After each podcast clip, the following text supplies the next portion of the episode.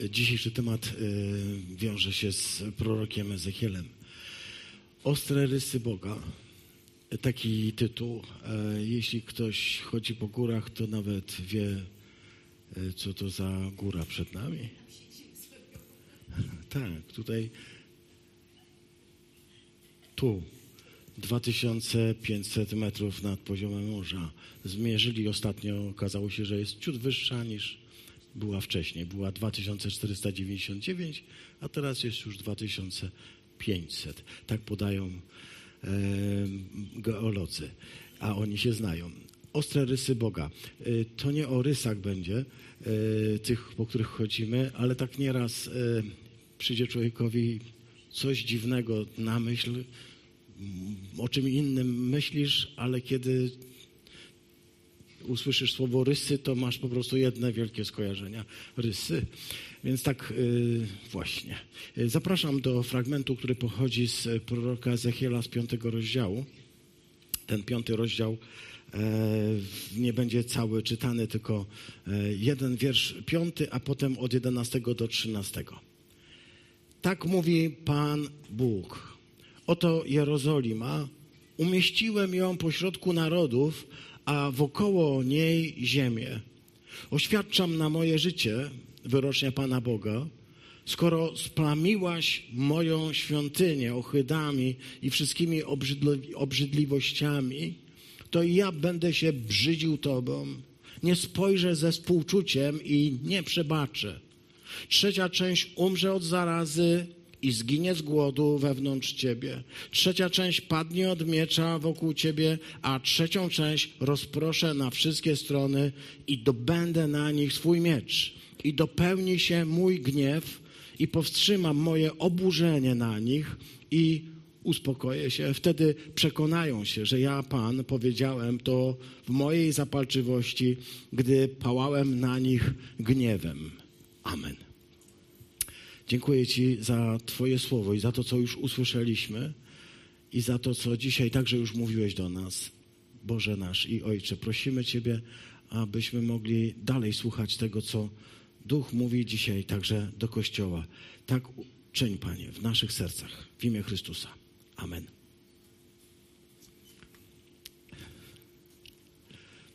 Przyznacie szczerze, że jak się przeczyta taki tekst, to człowiekowi odchodzi ochota czytania dalej, nie? Tego jest dużo. U Jeremiasza jest tego dużo, u Izajasza jest tego dużo. Ezechiel ma naprawdę przez kilkadziesiąt rozdziałów bardzo trudne mowy, które mocno, mocno dotykają i nie można ich przeskoczyć.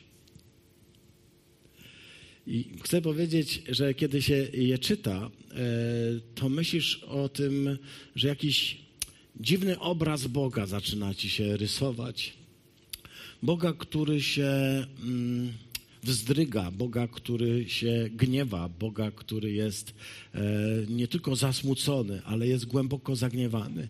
Chciałbym o tym troszkę z Wami dzisiaj porozmyślać, ponieważ e, to nie są rzeczy, które można tak przeskoczyć i wyciągać, wiecie, jak z, z Pisma Świętego, jak z drożdżówki, wyciągać tylko rodzynki, ewentualnie lukier i tę, e, co, kruszonkę na wierzchu, dziękuję. Jednak na Alicji to można polegać. Tę kruszonkę na wierzchu i tylko takie rzeczy jeść, bo tam jest jeszcze kawał ciasta. Smacznego, ale nieraz takiego twardego, nieraz takiego trudnego, yy, nieraz zakalcowatego. Ale, z, aha, popatrzyłem na Marka, zapomniałem. On lubi zakalec, to nie do niego. W tekstach jest także ten obraz Boga. I chcę powiedzieć, że tytuł e, Ostre rysy Boga bierze się e, z takiego patrzenia na Boga, które myślę, że y, może być niebezpieczne.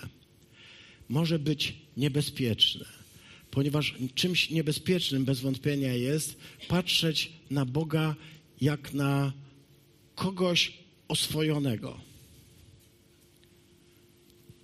Że Bóg jest oswojony.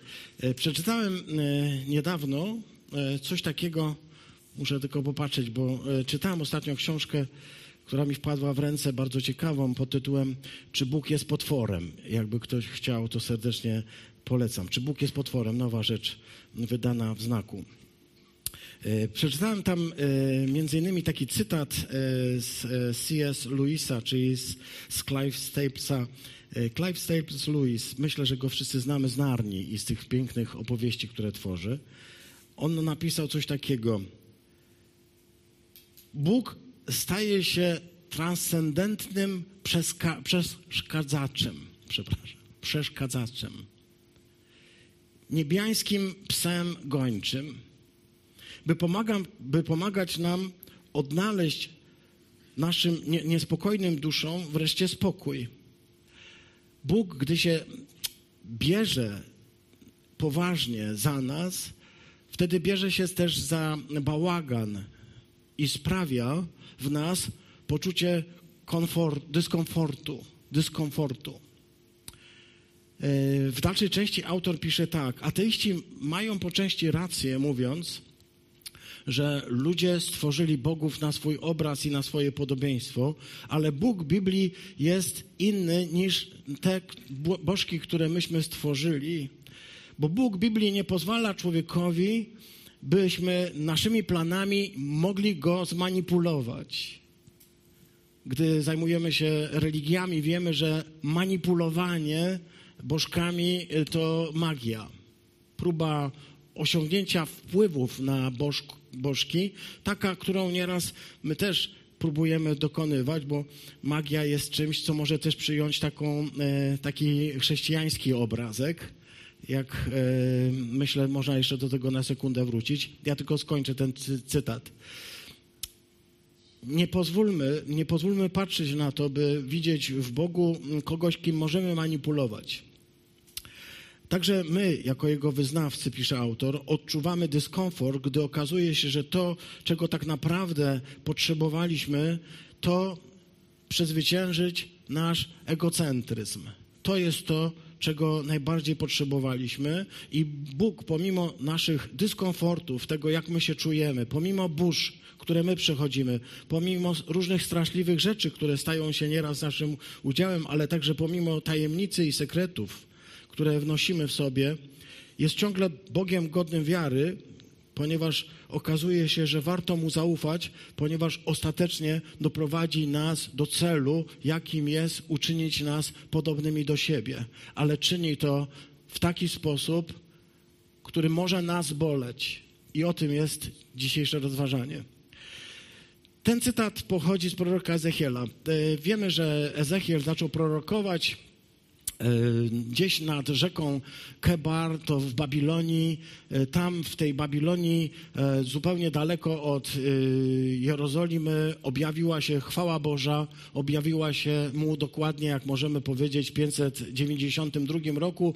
Od wielu lat już prorokował Jeremiasz, bo od 325 roku, a prorok Ezechiel będzie prorokował jeszcze przynajmniej przez lat 20. Po tej pięknej wizji, którą ma, pełną E, spektakularnego objawienia się Pana Boga. E, I po tym, kiedy Bóg powiedział do niego: weź tę księgę i zjedz, e, zostanie to we mnie, bo myślę sobie, że jedną z takich najważniejszych rzeczy, chyba jakie powinniśmy mieć w sercu, to to, że Biblii nie czyta się tylko oczami, ją się czyta sercem. Ją trzeba przyjąć. To słowo trzeba w znaczeniu, jeśli tego nie przyjmiesz, jeśli to słowo będzie tylko na poziomie wzroku, jeśli to słowo będzie tylko na poziomie Twoich wyobrażeń, jeśli to słowo nie wejdzie w Ciebie tak głęboko, by dokonać zmiany fundamentalnej, fundamentalnej, podstawowej w naszym życiu, to ono ciągle będzie, e, jakby nie spełni swojej roli. Słowo Boże wtedy spełni swoją rolę, kiedy wejdzie w nas i kiedy zacznie w nas żyć swoim życiem i dawać nam siłę, bo to ono jest pokarmem, który ożywia nasze wnętrzności. To ono powoduje, że możemy żyć. Ja myślę, że do tego obrazu najchętniej wracałbym co niedzielę, bo potrzebuję tego, to usłyszeć. Ja potrzebuję to usłyszeć. Ja potrzebuję usłyszeć, że w spotkaniu ze Słowem nie chodzi tylko o to, żebym wziął jakąś amunicję i komuś przyłożył, ale w spotkaniu ze Słowem zawsze chodzi o to, żeby interioryzować treść Słowa, interioryzować. Co to znaczy interioryzować? E, to znaczy przyjąć, przyswoić i uwewnętrznić. Niech to słowo, które jest na zewnątrz, stanie się słowem, które jest we mnie. Czymś, co mnie zmienia. Ja takiego słowa potrzebuję. Nie, nie, wiecie, mo, można w różny sposób podchodzić do Pana Boga, można w różny sposób podchodzić do Kościoła. Możemy traktować Kościół jako miejsce, gdzie się spotykamy i gdzie są ludzie, którzy myślą podobnie do nas. Gdzie są ludzie, którzy myślą podobnie jak my, gdzie mają podobny zestaw wartości, gdzie ma, lubią takie same pieśni, gdzie lubią tak samo, żeby liturgia wyglądała, gdzie y, dobrze się czują, kiedy to wszystko ma właśnie taką oprawę, jaką ma. I myślę sobie, to jest to, co jest zewnętrzne. Ale to, co najgłębiej e, jest powodem, dla którego tu jesteśmy, to to, że tak naprawdę to są wszystko szczegóły. To są wszystko nieważne szczegóły, jak wygląda liturgia. Nie przywiązujmy się do naszej liturgii, bo w niebie ona będzie zupełnie inna. Widzieliśmy to w Apokalipsie, widzieliśmy to także w księdze Ezechiela. Ta liturgia będzie bardzo dynamiczna. I te nasze liturgie dziesiątkowe, które wydają się nieraz takie bardzo wow, to w ogóle to jest cień, w ogóle zapomnij, żeby to miało jakiekolwiek piękno w obliczu tej, która nas czeka. Ale tak naprawdę dajmy się porwać słowu, dajmy się porwać temu, by nas to słowo budowało. To jest istota. Mówiłem, że ateiści mają rację, kiedy Mówią, że ludzie stworzyli bogów na swój obraz i swoje podobieństwo. I wiemy, że bywało tak, w, w, w Słowie Bożym często to czytamy, bywało tak, że y, nasz sposób myślenia o bożkach przekładaliśmy na Boga i chcieliśmy zrobić z niego kogoś e, na podobieństwo bożków. Nie wiem, czy. Y, rozumiecie, czy mogę to wyjaśnić. Pamiętacie taką sytuację, to miało miejsce e, w księgach e, Samuelowej, gdy w pierwszej Samuelowej, gdy opisane jest, jak Filistyni najeżdżali na Izraela, Filistyni najeżdżali na Izraela i dokonywali tam spustoszeń.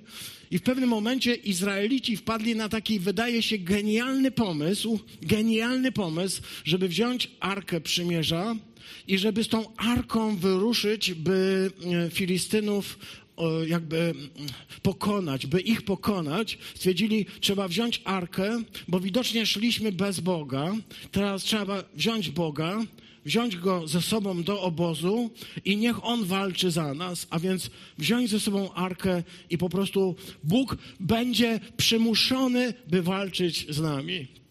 Gott mit uns. Wszyscy to dobrze znamy, chociaż niemieckiego się nie musieliśmy uczyć.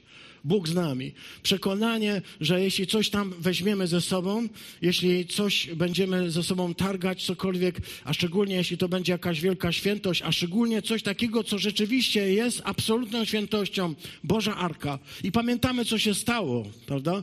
Może pamiętacie uwielbianie, jakie tam było, bo bardzo pięknie opisane to uwielbianie, że kiedy przybyła Arka do e, tego miejsca, gdzie była e, zgromadzona armia Izraela, armia e, stojąca naprzeciwko Filistyn, Filistynów. Kiedy przybyła arka do tego miejsca, to czytamy, że rozległy się takie wielkie okrzyki i takie wielkie hałasy, że ziemia się zatrzęsła.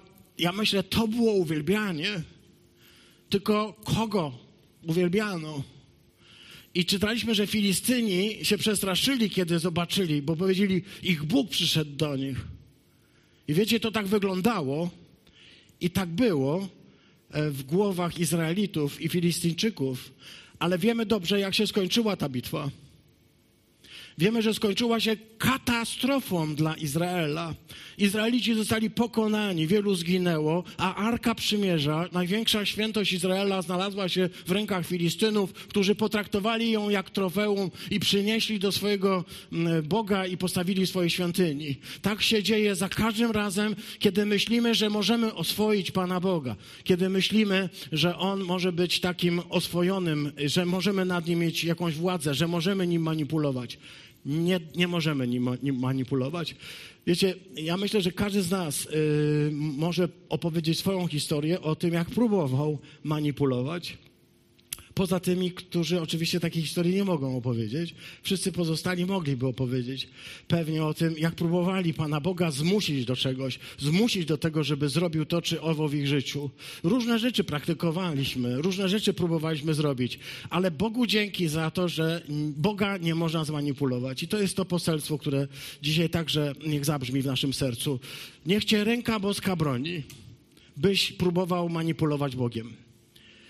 Bóg nie da się z siebie naśmiewać. I kiedy czytaliśmy u Jeremiasza, a także teraz u Ezechiela możemy czytać tę historię, to ta historia jest właśnie pod tym względem tragiczna. Co się dzieje z ludźmi, którzy myślą, że mogą manipulować Bogiem? Kiedy byśmy sobie sięgnęli e, do tego piątego rozdziału, do jego początku, to byśmy tam przeczytali coś takiego. Synu człowieczy, to jest taka forma, której się Bóg zwraca do Ezechiela. Synu człowieczy, weź sobie ostry miecz i użyj go jak brzytwy. Ogol nim sobie głowę, ogol nim sobie brodę, a potem weź wagę i podziel włosy. Jedną trzecią spalisz w ogniu w środku miasta, gdy skończą się dni oblężenia. Jedną trzecią potniesz mieczem wokół niego, a jedną trzecią rzucisz na wiatr.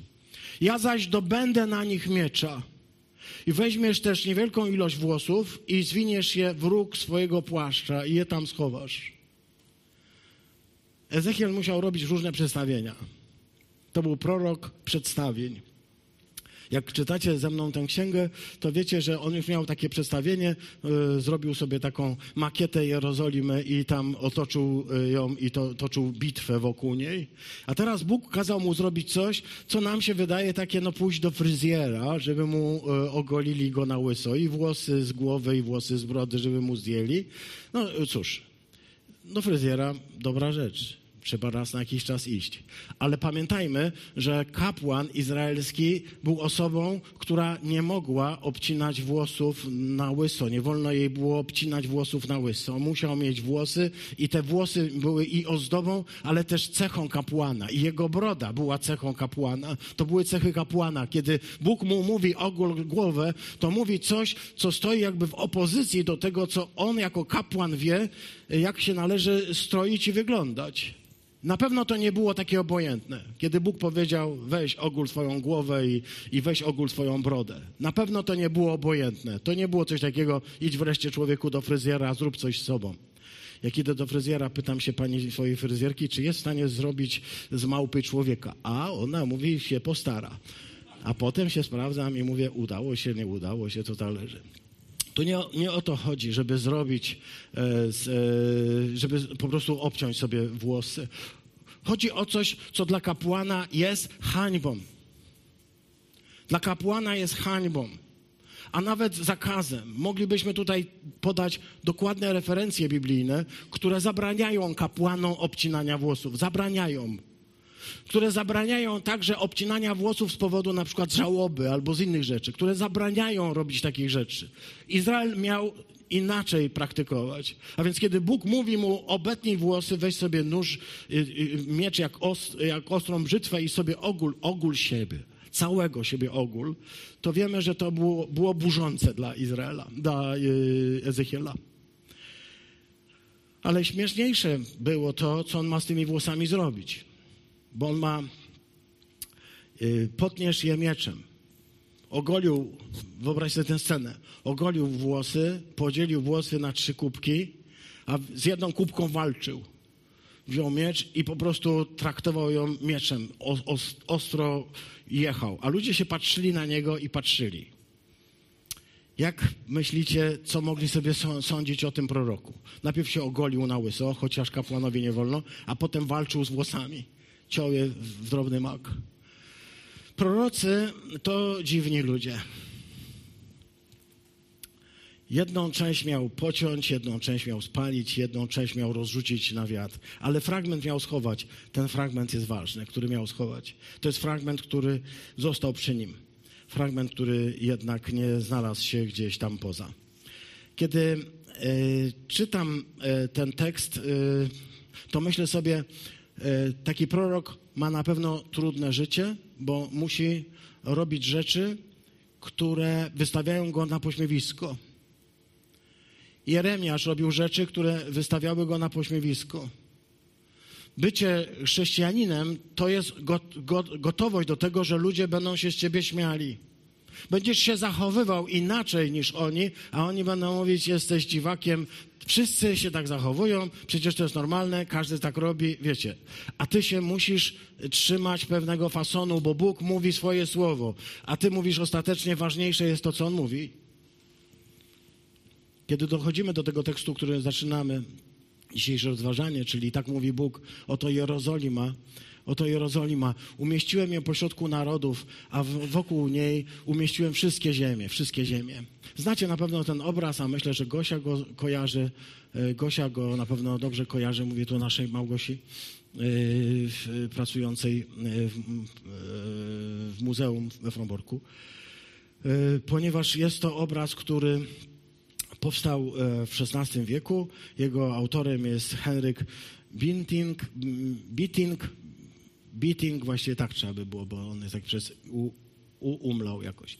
E, Beating i to jest 1581 rok. E, popatrzymy się, on był z Hanoweru i on użył sobie tej koniczyny z Hanoweru. Herb Hanoweru tak wyglądał. On użył tej koniczyny, żeby pokazać e, świat tak, jak go widział człowiek w roku 1581.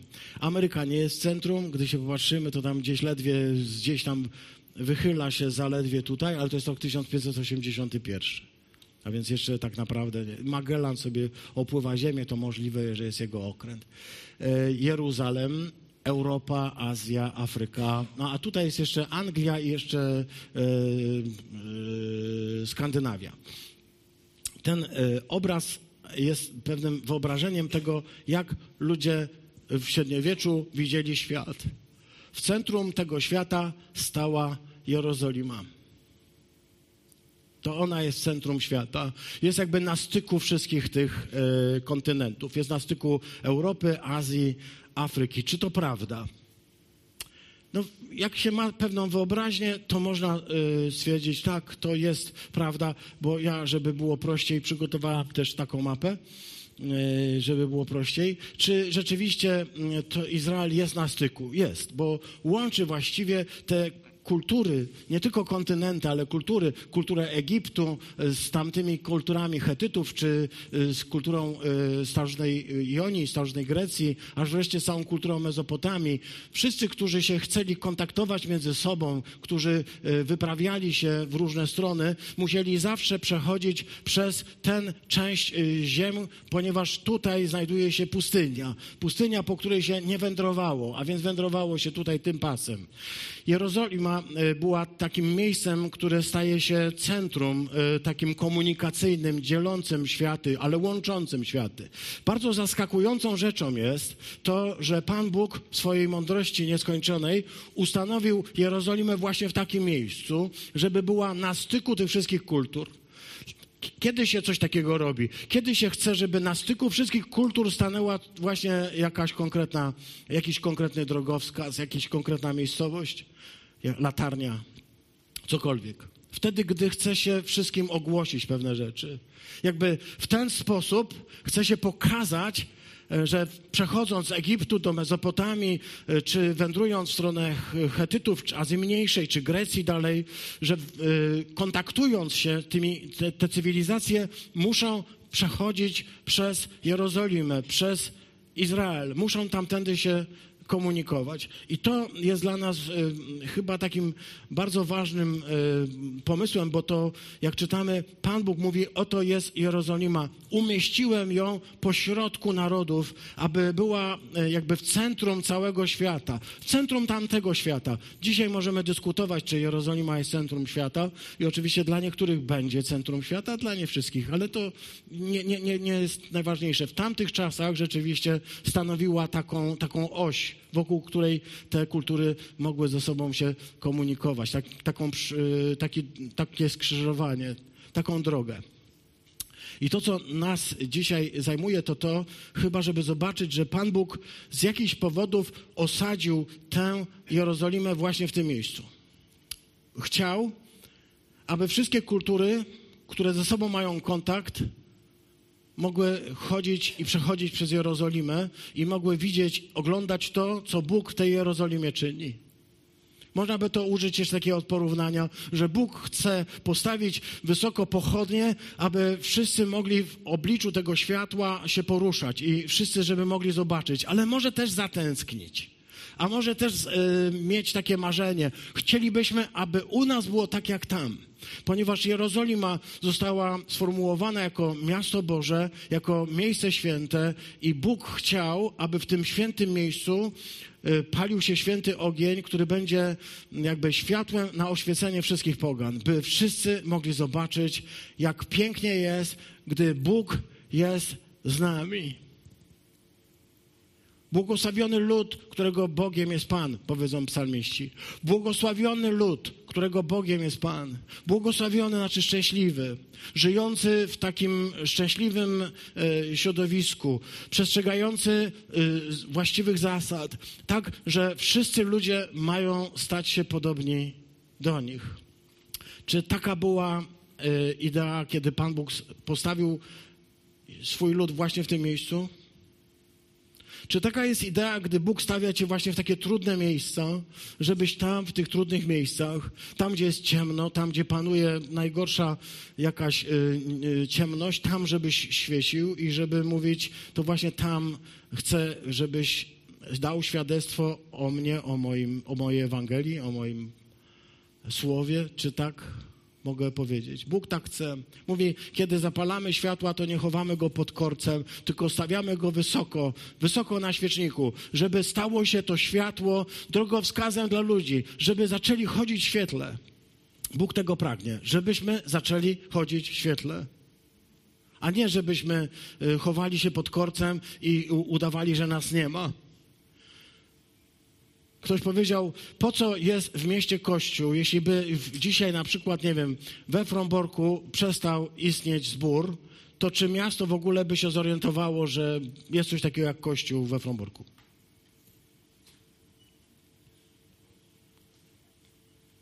Światło jest po to, by świecić.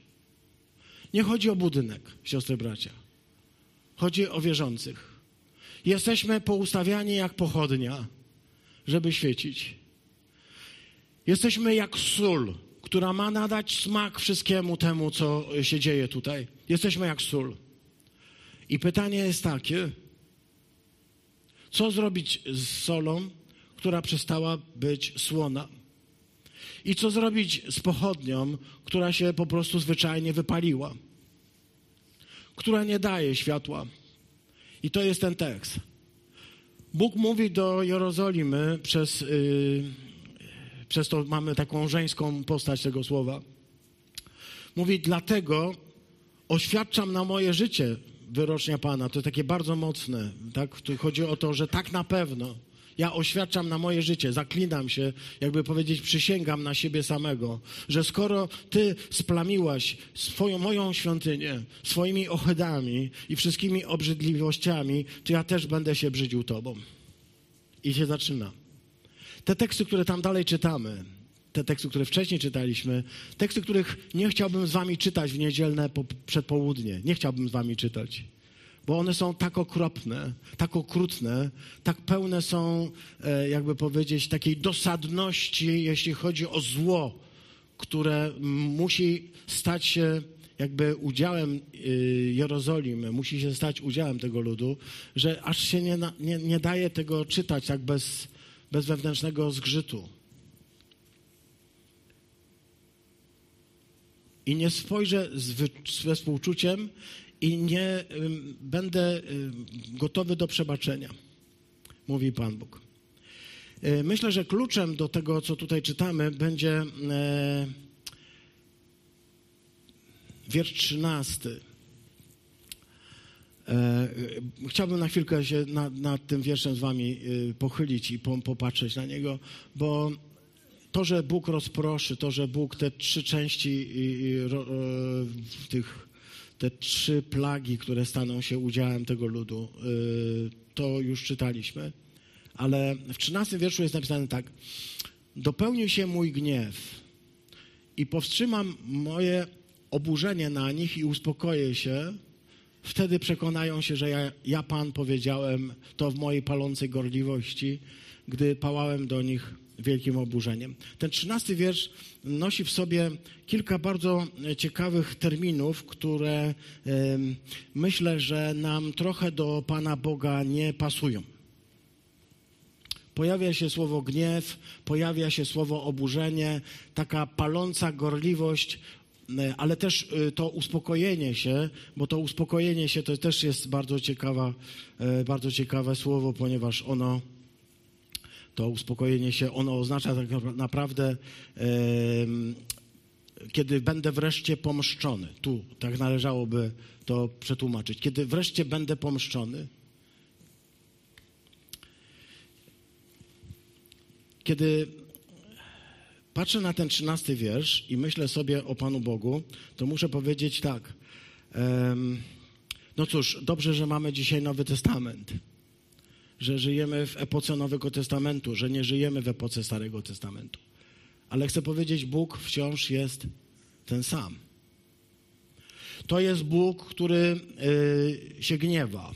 To jest Bóg, który powstrzym, będzie powstrzymywał swoje oburzenie. Bóg, który się oburza. Bóg, który jest Bogiem pomszczonym, Bogiem palącej gorliwości. I kiedy sobie na te rzeczy y, patrzę, to myślę sobie tak, siostry, bracia. E, dobrze, że to jest e, w Starym Testamencie napisane. Bardzo dobrze. W Nowym Testamencie jest napisane tak. E, Jezus mówi w tym trzecim rozdziale Ewangelii Jana. Znacie wszyscy trzeci rozdział Ewangelii Jana. Mówi tak, kto wierzy w Syna, co ma? Życie wieczne. Ale kto nie wierzy, kto nie słucha Syna, ten nie ujrzy żywota wiecznego, a ciąży na nim ciąży na nim gniew Boży.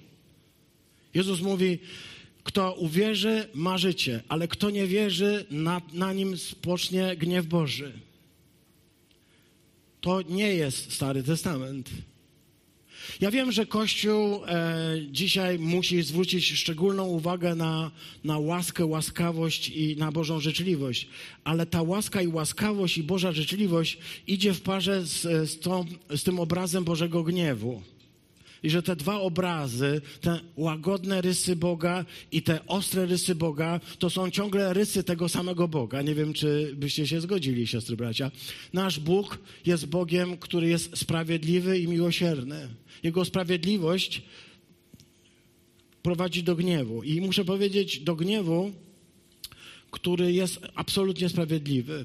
Oczywiście nasz gniew, nasz ludzki gniew, płynący z naszych egoizmów, płynący z urażonej naszej ambicji i z naszych poczuć, może być i jest najczęściej czymś złym jest czymś złym. Kiedy się gniewasz, kiedy się obrażasz, kiedy się tak wewnętrznie na kogoś głęboko oburzasz, kiedy nie możesz przebaczyć, kiedy się czujesz po prostu skrzywdzony i nosisz w sercu właśnie takie nieprzebaczenie, taki gniew, taką zapiekłość, to nie są to dobre rzeczy. Dlatego, kiedy słyszymy o Bogu, który się gniewa, myślimy sobie, aha, znam to, wiem, jak to jest. Też musiało mu nieźle dopiec i ma dość. Ale ja chcę powiedzieć tak. Ja się bardzo cieszę, że nasz Bóg nie jest Bogiem, który jest obojętny na zło, który jest obojętny na krzywdę.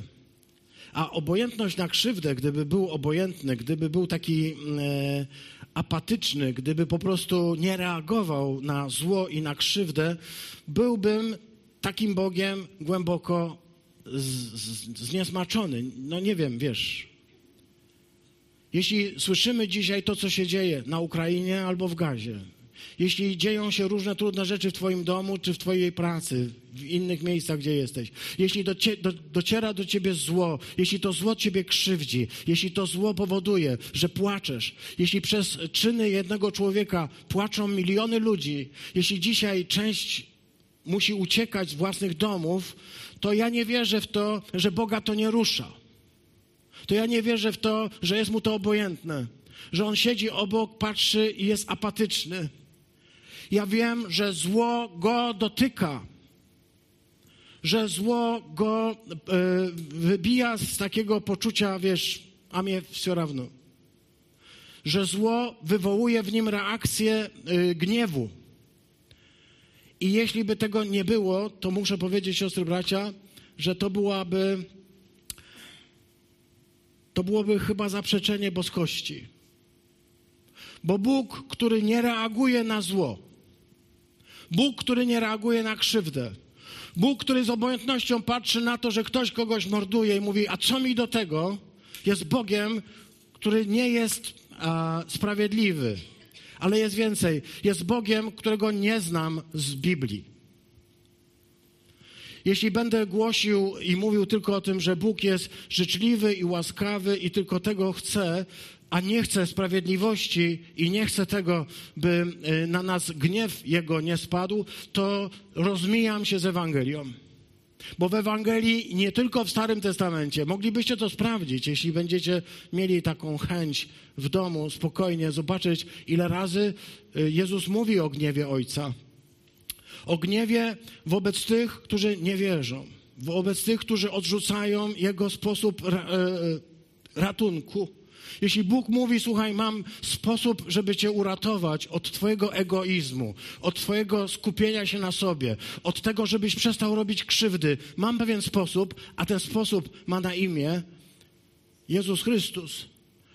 Ja mam ten sposób ja ci go daję, a ty dalej tkwisz w swoim złu i swojej krzywdzie i swoim poczuciu i swojej własnej ambicji i swoim własnym egoizmie, egocentryzmie, to chcę powiedzieć coś, coś złego się dzieje.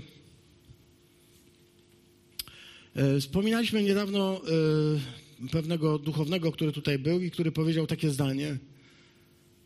Czy Bóg może stworzyć kamień, którego nie może podnieść? Pamiętacie? Czy Bóg może stworzyć kamień, którego nie może podnieść? I powiedzieliśmy, może stworzyć taki kamień, i takim kamieniem może być człowiek, który ma prawo powiedzieć Panu Bogu, że nie chce go że go nie chce, że chce wszystko po swojemu, że chce tak, jak on by chciał, a jeśli tak nie będzie, to on się na niego obrazi i tak dalej. On nie ma zamiaru go w żaden sposób słuchać. A więc co się dzieje z człowiekiem, który robi wszystko po swojemu? Czy Bóg będzie mówił w ten sposób, no dobra człowieku, żyj jak chcesz. Przepraszam za takie porównanie, ono jest może bardzo drastyczne, wybaczcie mi, ale czy mielibyście ochotę, żeby ci, którzy byli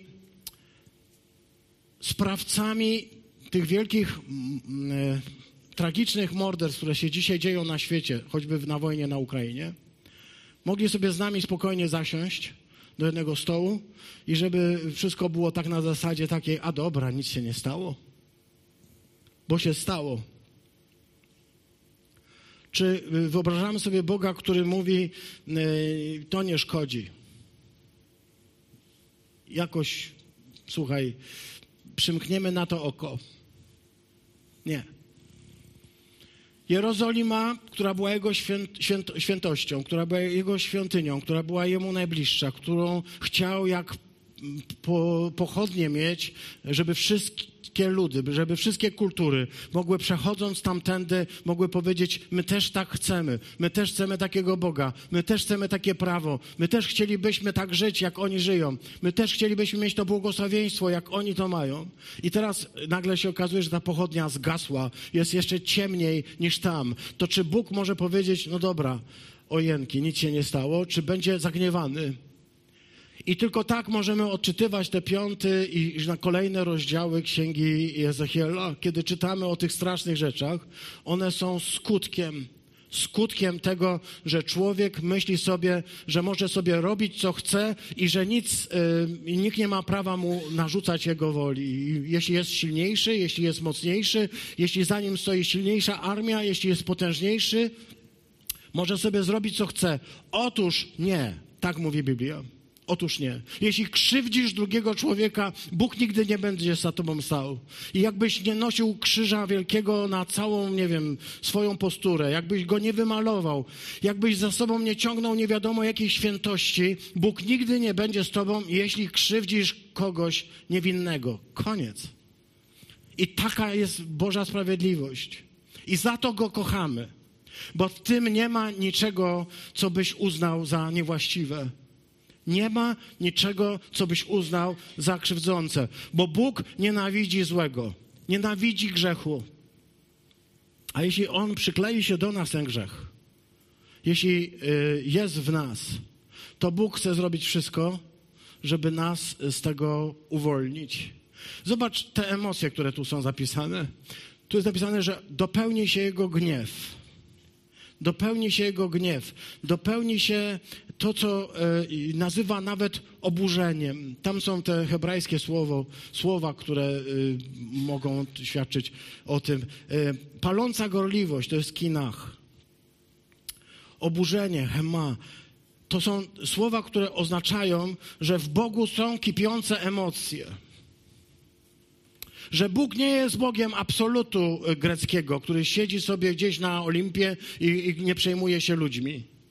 Tak sobie wyobrażali Grecy, tak sobie wyobrażali Rzymianie. Bogowie siedzący wysoko na Olimpie, oderwani od rzeczywistości, żyjący w swoim świecie, po prostu cieszący się sobą, a ludźmi zajmujący się o tyle, jeśli nie za bardzo im przeszkadzają. Jak zaczynają hałasować jakimiś wojnami, to ewentualnie coś tam mogą robić. Nasz Bóg nie jest Bogiem greckich filozofów, nie jest Bogiem takiego absolutu, nie, nie, nie, nieporuszalny, nie? Jest Bogiem, który głęboko przeżywa emocje którego można wzruszyć, którego można e, doświadczyć Jego miłości, Jego ciepła, Jego życzliwości, ale też który może się zagniewać, który może się oburzyć, który, który może być bardzo gorliwy, taki zapalony w tym wręcz, żeby powiedzieć: Słuchaj, brzydzę się, brzydzę się tobą. Takich słów nie chcielibyśmy usłyszeć.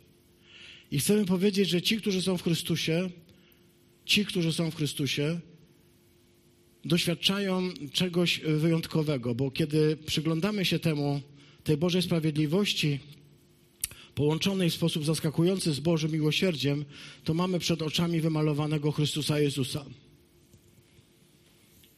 Cały Jego gniew, cała Jego e, zapalona gorliwość, pałająca, całe Jego oburzenie – tam można by bardzo różnych słów użyć, bo rzeczywiście używa się na, na, na termin. Yy, yy, używa się na termin e, oburzenie, używa się na, na słowa wściekłość. To aż w ogóle nie pasuje. Tak by dosłownie chcę przetłumaczyć. Bóg mówi: Jestem wściekły. To są bardzo mocne wyrażenia i Ezechiel je używa. Ezechiel jest takim prorokiem, który używa twardych wyrażeń. On nie jest łagodny, taki ciuciu, ciuciu, tylko jest taki, że powie, Bóg mówi, jestem wściekły, jestem zły, jestem taki zagniewany na ciebie i nie będę uspokojony, dopóki nie y, zostanę pomszczony, dopóki nie zostanę pomszczony, aż wreszcie ta pomsta zupełnie zostanie uczyniona. Wtedy ja będę miał jakby satysfakcję. I mówię o tym, siostry bracia, dlatego że to wszystko zostało zrealizowane w Chrystusie. W Nim cały gniew Boży, cała Jego wściekłość na zło, całe Jego oburzenie, ale też cała jego, jego, jego zemsta, pomsta za to wszystko, w jaki sposób człowiek go potraktował, zostało wylane na Chrystusa za mnie i za Ciebie. Kiedy my mówimy, że za Ciebie i za mnie On poniósł swoją ofiarę, to chcę Ci powiedzieć, ta ofiara polega na tym, że cały Boży, e, cała Boża wściekłość, cały Boży gniew, cała Boża y, sprawiedliwość, sprawiedliwość i to wszystko, co powinno Ciebie i mnie spotkać, spotkało Chrystusa, On go obronił, Ciebie i mnie swoim ciałem. I powiedział, Ojcze, na, na mnie daj, mnie zdruzgocz, a ich oszczędź.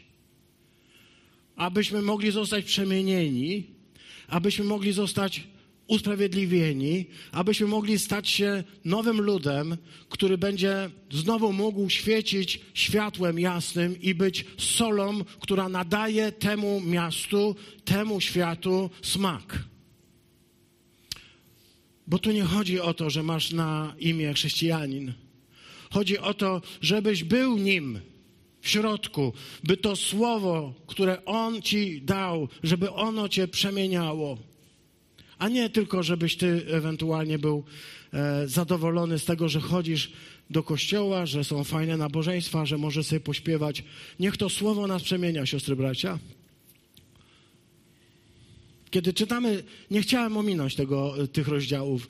Nie chciałem, żeby było na tej zasadzie, wiecie, że szukamy tylko takich ładnych i miłych tekstów. Nie, trzeba czytać całą księgę. I trzeba zobaczyć Boże emocje.